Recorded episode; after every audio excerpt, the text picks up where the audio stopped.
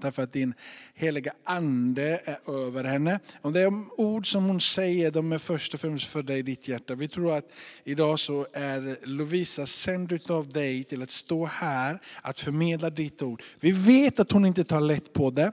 Eh, vår övertygelse är att detta är sanningens ord. Vår övertygelse är att det här är de viktigaste orden som finns i den boken, som den här mänskligheten behöver höra. Och det som Lovisa säger, jag vet att hon inte bara liksom kastar ur sig någonting, utan hon gör det med respekt inför dig, respekt inför oss som sitter här och lyssnar. Därför vill vi sitta med hungriga hjärtan, öppna hjärtan och dra ut ur henne varenda litet ord som du har ehm, kallat henne idag att säga. Därför att du välsignar den den här stunden Herre. Gud, du är stor. Amen. Amen. Hej. Gott att se er. Hörrni, eh, nu eh, har halva höstterminen passerat. Eh, och jag tänker att så här i halvtid att vi ska zooma ut lite grann och backa perspektivet, vidga perspektivet lite grann. Så jag har faktiskt kallat den här predikan för halvtid, zooma ut. Um, har ni fått igång den? Ska få med alla som tittar i efterhand också. Nu är vi på banan. halvtid, zooma ut ska vi prata om. I en fotbollsmatch, jag, Jakob snackade precis om att det är fotboll ikväll. Jag är ju ingen fotbollsexpert, men så här mycket vet jag. När det är halvtid så får eh, spelarna gå av planen och eh, man pratar med sin eh, tränare. Tränaren har ju stått hela den här första halvan av matchen och tittat på matchen med ett utifrån perspektiv. Han har haft ett perspektiv som spelarna som är på planen inte har haft. Spelarna som är på planen, de är ju liksom fullt engagerade i det här spelet som pågår och de hamnar i närkamper ibland. Eh, man får sig lite törnar kanske här och där, någon får sig en spark här och där, någon får kanske lite näsblod, man blir lite trött. Eh, och man ser det som är närmast. De får ju öva sig på att försöka liksom läsa av spelet som helhet och ha en större bild. Men ibland så ser man inte alltid vad som komma skall eller vad som händer på andra sidan planen, utan man ser det som är nära. Men när det är halvtid så får man gå ut, prata med tränaren som kan belysa och ge ett nytt perspektiv, för han har sett helhetsbilden. Eh, och ni kan ju gissa vart jag är på väg med det här. Vi har spelat första, första halvan av höstterminen och du har förmodligen precis som jag stått i vissa närkamper i ditt liv och brottats med olika saker som känns som att det är liksom in your face. Om det har att göra med arbete eller om det har att göra med arbetslöshet eller permittering eller om det har att göra med relationer om det har att göra med känslor eller vad det än kan vara. Men det finns brottningskamper som vi liksom har stått i närkamp av och som kanske har känts som att ah, där fick jag en liten spark i sidan och det bara är här. Och det är svårt att se den stora, stora helhetsbilden. Det här är ju mänskligt, alltså det är inte konstigt att det blir så. Det är mänskligt, men det är också ibland, tror jag, eh, en del av fiendens strategi att få oss att bli helt fullständigt upptagna med det som är här. Att vi tappar det långa, stora perspektivet, att vi tappar helhetsbilden. Och vi blir lite så inåtvända, vi blir lite navelskådande. Och det som har med mig, mitt och mina och kanske framför allt så här års, det mänskliga perspektivet på det då, när, det, när man börjar bli lite trött, lite mera sliten, det är lite mörkare, man lite liksom segare på morgonen, man känner sig inte lika så full av mänsklig entusiasm och att man är gasad liksom när man kommer till, till gudstjänst. Och kanske också nu speciellt när det som händer nu med coronasituationen, nya restriktioner kommer och de säger till oss att stanna hemma, liksom, gå inte ut överhuvudtaget.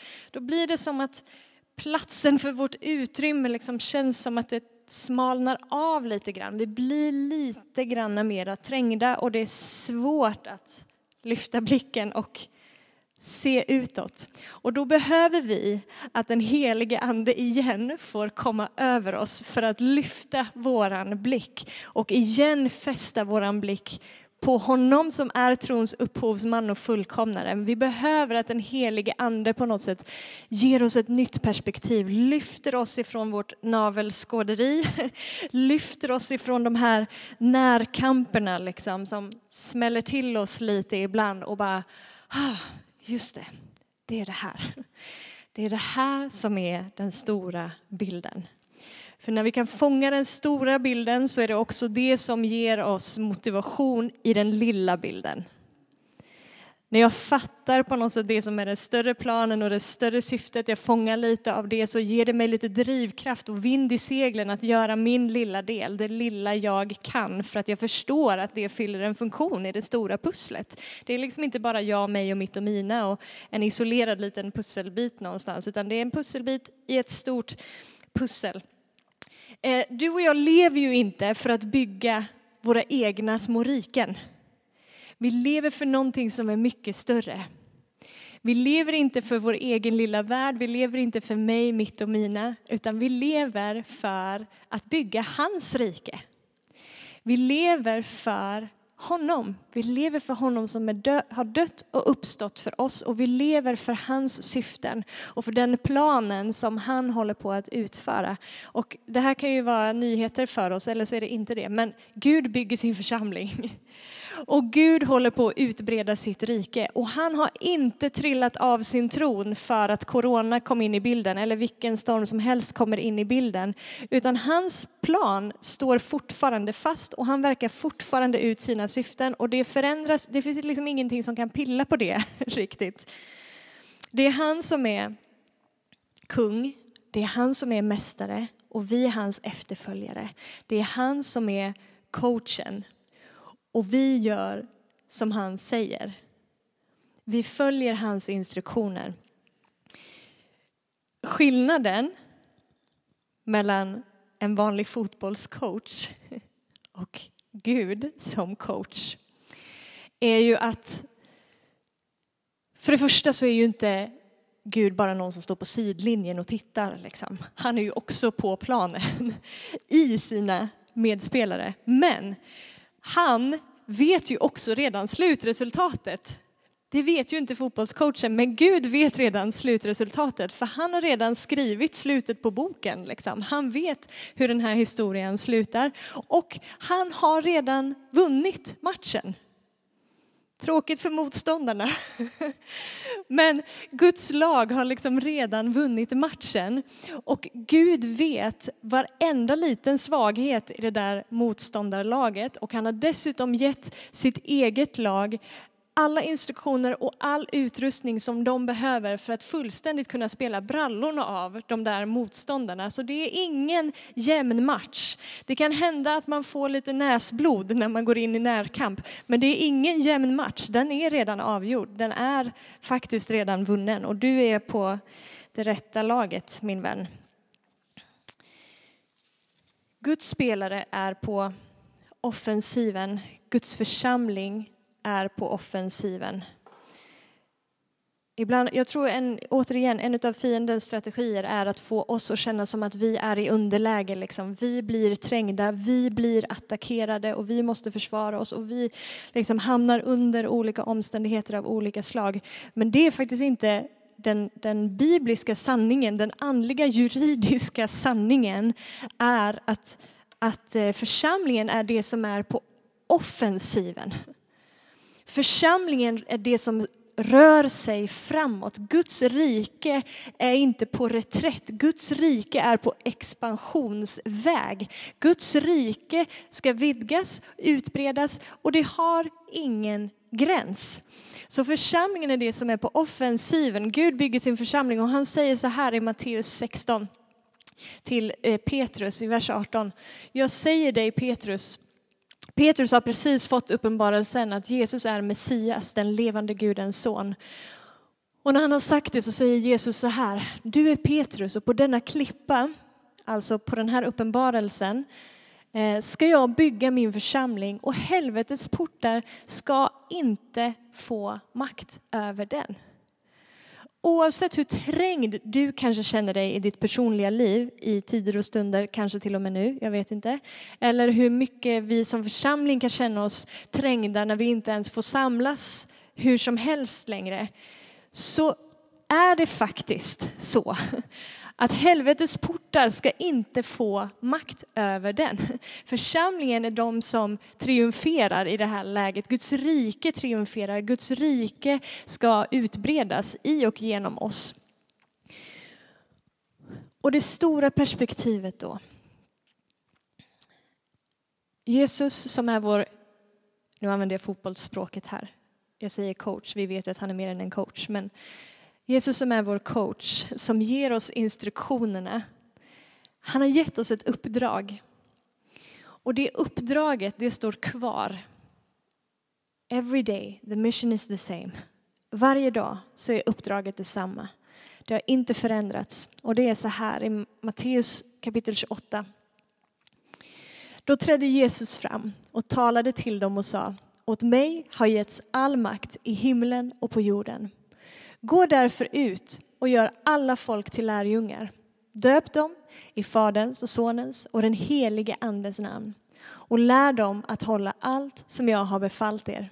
Och se, jag är med er alla dagar till tidens slut. Alla dagar.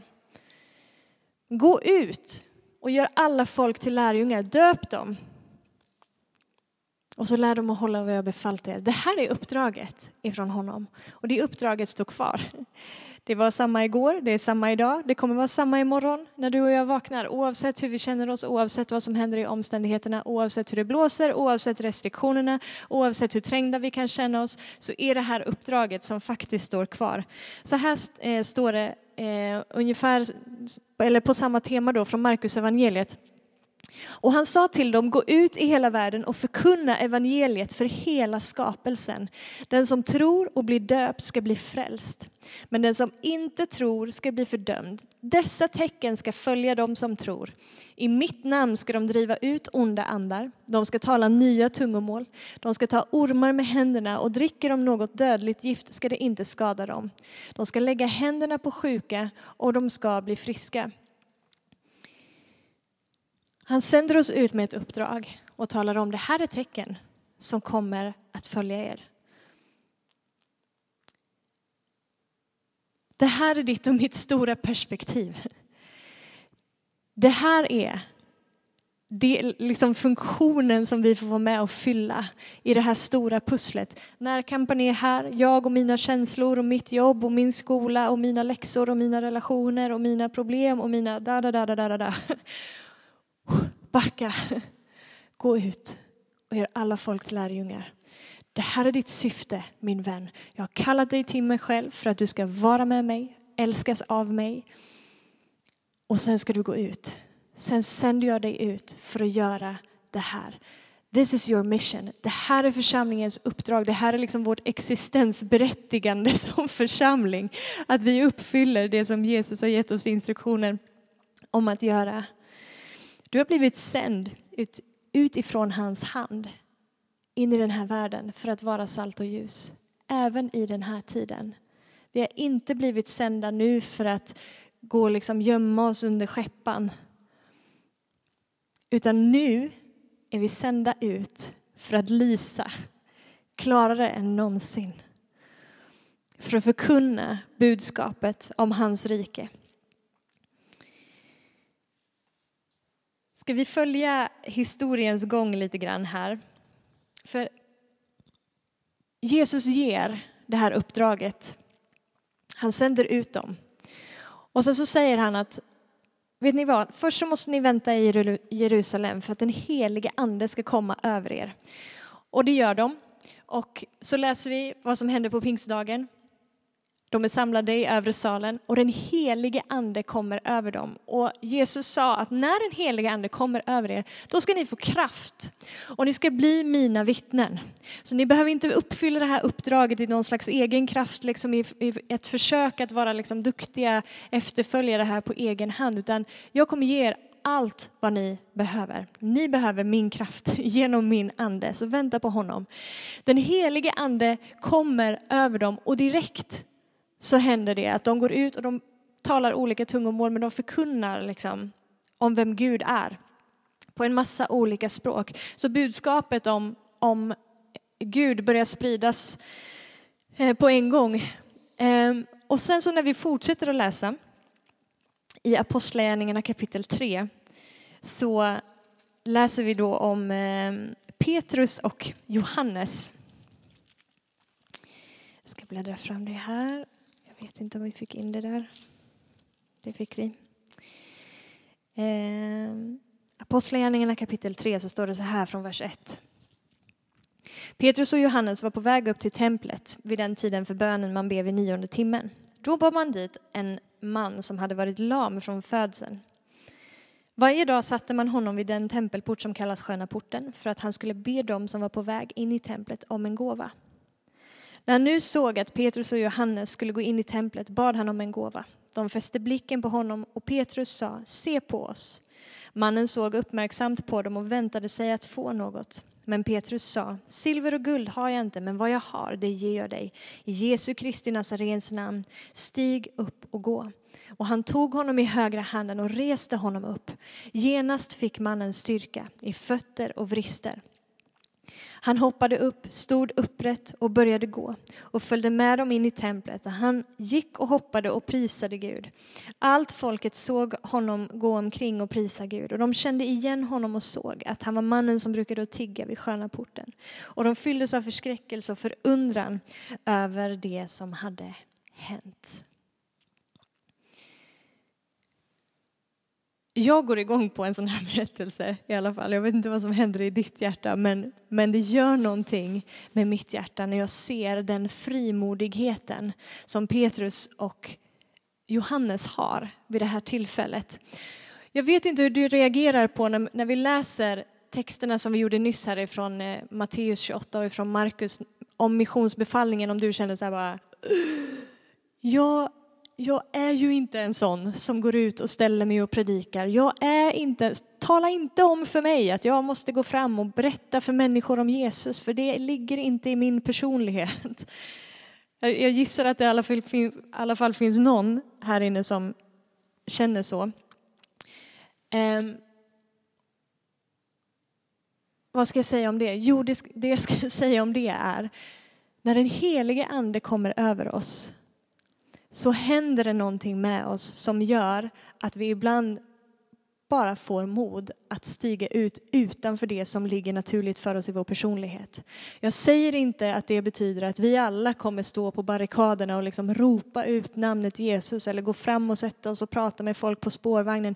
Det kommer se olika ut för olika människor, liksom, lite beroende på personlighet. Men det jag vet är att när den helige ande kommer över oss, då försvinner the chicken spirit. Alltså den här lite försagda, försagdheten som kan finnas över oss ibland. Där vi liksom gömmer oss och nej men inte ska väl jag. Det kommer ett mod som gör att du vågar göra saker som du inte vågade göra innan. Ett mod som gör att du går utanför din egen bekvämlighetszon. Ett, en, ett mod som gör att du kan säga som Petrus och Johannes, vi har inte silver eller guld, men det som vi har det ger vi dig. Res dig upp och gå. En sån otrolig frimodighet som bara sätts i rörelse liksom. Ja, men jag tycker bättre om att bara vara med Jesus. Jag vill bara ha det gott med honom och sjunga lovsång. Ja, visst vore det skönt om vi kunde ha det så. Men det jobbiga är att Jesus säger ju, följ mig, alltså kom och var med mig och jag ska göra er till människofiskare. Ah, jobbigt! Men när vi följer honom så börjar han att jobba på vår identitet och att bli en människofiskare är någonting som han börjar gravera in liksom, i vårt DNA. Jag vet inte hur du har upplevt det men, men jag Alltså det finns få saker i livet som ger mig en sån tillfredsställelse som när jag får dela budskapet om Jesus med en människa som ännu inte har hört. Eller när jag har fått vara med och leda människor till frälsning. Då bara känner jag, det här är varför jag existerar. Det är en sån vansinnig god känsla liksom när man bara på något sätt agerar utifrån den som Jesus har gjort mig till att vara. Ja, det är jobbigt ibland för att det går utanför min bekvämlighetszon, men när den helige ande kommer över mig, då rackarns, då försvinner den där liksom jante, då försvinner den där försagdheten, då försvinner den där chicken spirit som någon någon gång har uttryckt att vi svenskar kan ha lite grann. Där vi blir lite så tillbakadragna liksom. I alla fall, Petrus och Johannes, de botar den här förlamade mannen. Det som händer då är att de grips och de fängslas. Men när de står där inför det stora rådet, då uppfylls Petrus av den helige ande. Och han börjar prata om Jesus som korsfäst och som uppstånden. Och han säger, hos ingen annan finns frälsningen. Jesus är den enda vägen till frälsning. Modet kommer i den heliga Andes kraft. Det här har jag fastnat vid ifrån Apostlagärningarna kapitel 4 och eh, vers 13 och 14. I vers 8 så läste vi att eh, eh Petrus uppfylls av den heliga Ande. Vers 13 och 14 så står det så här. När de såg, alltså de som Petrus och Johannes här står inför nu och ska försvara sig, liksom, när de har blivit fängslade. När de såg hur frimodiga Petrus och Johannes var och märkte att de var olärda män ur folket blev de förvånade. Men så kände de igen dem och kom ihåg att de hade varit med Jesus. Och när de såg mannen som blivit botad stå där tillsammans med dem blev de svarslösa. När de såg hur frimodiga Petrus och Johannes var och märkte att de var olärda män ur folket så blev de förvånade. Alltså de var olärda män ur folket. Det här var inga, de var inga skriftlärda, de var inga fariseer. De hade inte fått den utbildningen och träningen liksom i Guds ord som fariseerna hade fått. De var inga som man kunde förvänta sig av att de skulle göra stora saker tillsammans med Gud. De var olärda män, de var enkla eh, fiskarmänniskor.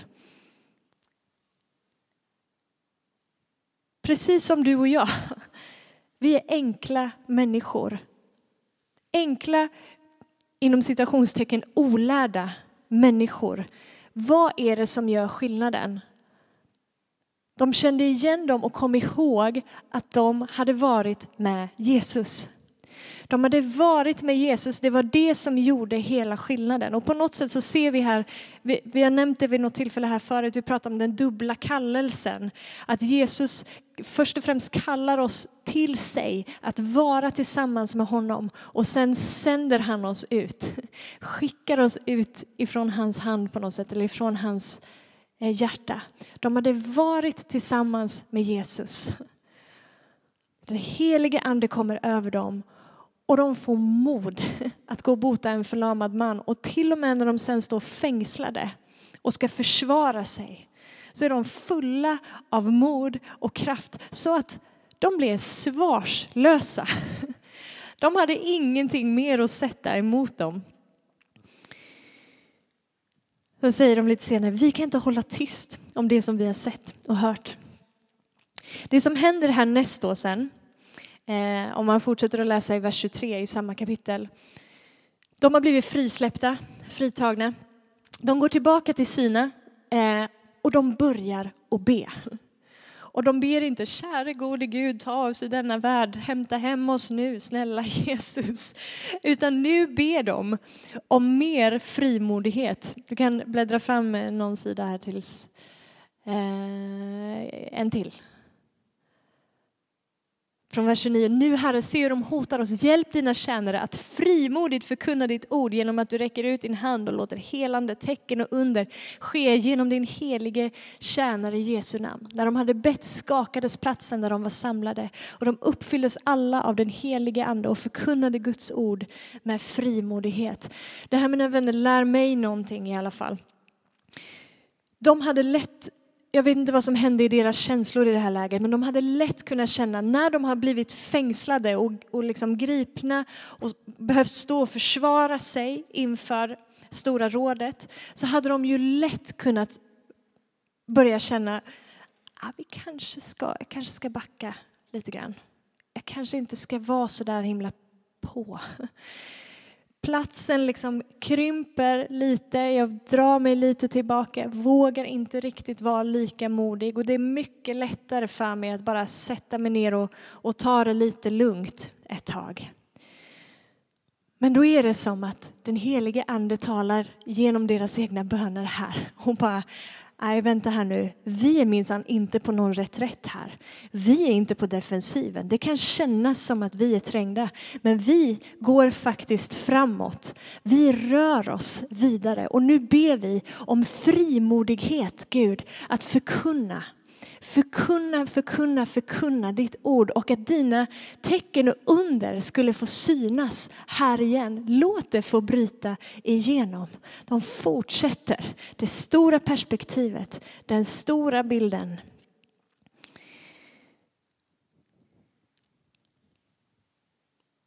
Nästa bibelställe som vi dyker in i från kapitel 5. Gud svarar på den här bönen som de precis har bett.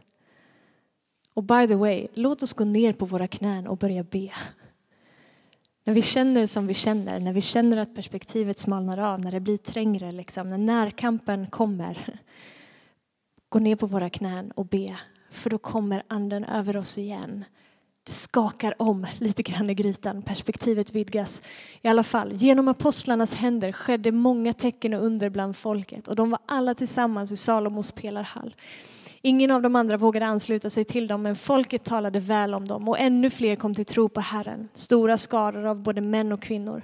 Man bar till och med ut de sjuka på gatorna och lade dem på bäddar och bårar för att åtminstone Petrus skugga skulle falla på någon av dem när han gick förbi.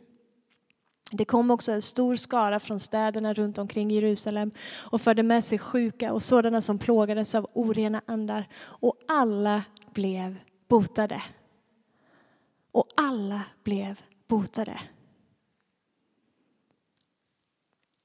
De ropar till Gud, ge oss mod, ge oss mod. Bärare av den helige andes kraft så blir det på så vis att till och med människor vill att Petrus skugga bara ska röra vid dem för att de ska bli botade. Var det något särskilt med Petrus skugga? Nej, men Petrus var överskuggad av någon annan. Petrus var överskuggad av den högste.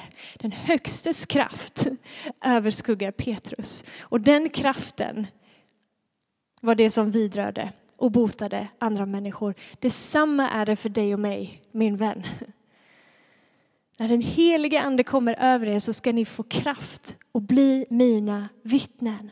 Den högstes kraft bor i dig för att du och jag ska kunna utföra det uppdrag som han har sänt oss ut att göra och fortsätta att utbreda hans rike. Uppdraget är detsamma varje dag. Varje, varje, varje dag.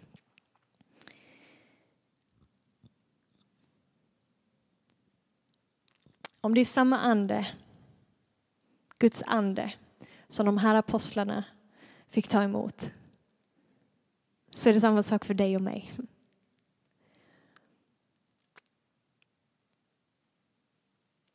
Det är samma sak för dig. Du kan göra samma sak.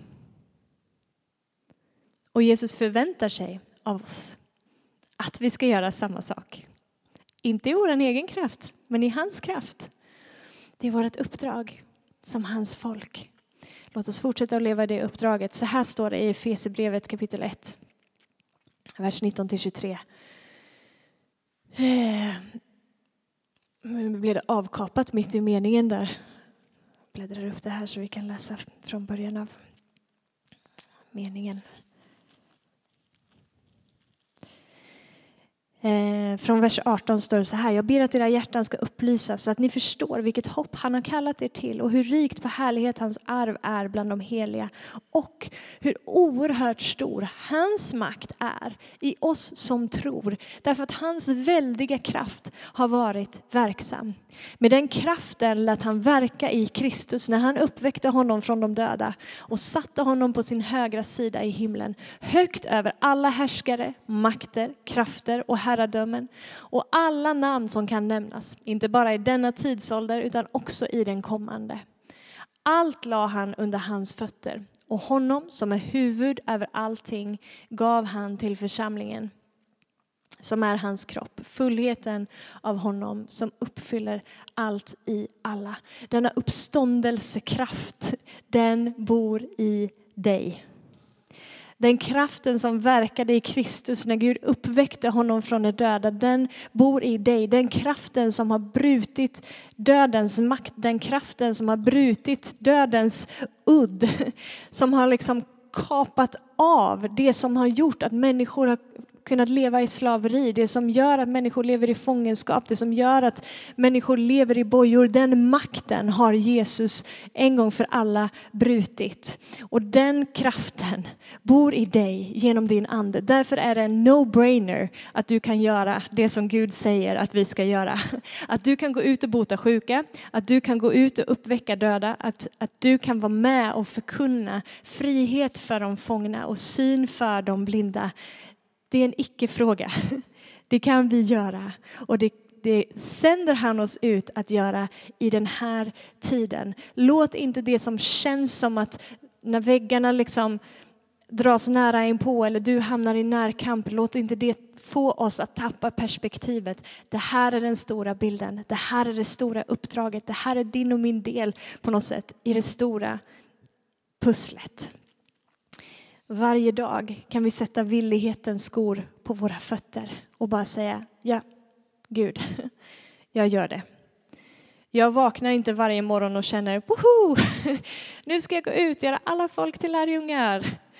Jag vaknar oftast inte och känner så om jag ska vara ärlig. Men varje dag så kan jag välja att sätta villighetens skor på mina fötter och säga ja Gud, Använd mig. Jag behöver dig idag, helige ande, till att utföra det uppdrag som du sänder mig ut till att göra. Men hjälp mig att leva för någonting som är större än mig själv. Gud, jag är så trött på att leva för mig själv. Jag är så trött på att leva i min egen lilla bubbla, i min egen lilla värld. För mig, mitt och mina. Befria mig ifrån mig själv. Break my heart for what breaks yours, Gud. Det som ditt hjärta bankar för just nu, det som, det som ditt hjärta pulserar för. Låt mitt hjärta också få pulsera för det. Låt mitt hjärta också få brista till det. Låt min tillit till dig vara så stor att jag kan anförtro dig hela mitt liv och inte behöva göra mig bekymmer för mitt eget liv. Utan jag kan söka ditt rike först. Jag kan söka din rättfärdighet först. Jag kan söka det som ligger på ditt hjärta först. På din agenda först. Snarare än det som är min agenda. För jag vill vara med och bygga ditt rike. Jag vill inte leva för mig själv. Jag vill inte lämna det avtrycket, det är inte det arvet jag vill lämna efter mig. Att jag har levt för mig själv, för mig, mitt och mina. Jag vill ha levt för honom. Jag vill ha gjort det som han har kallat mig att göra. Det som han har sänt mig ut till att göra. Inte som en kramp, inte för att jag ska bocka av det på min lista, inte för att försöka vara duktig, men för att den helige ande brinner i mina ben liksom. Så jag kan inte, jag kan inte inte. Jag kan inte sitta här och vara passiv.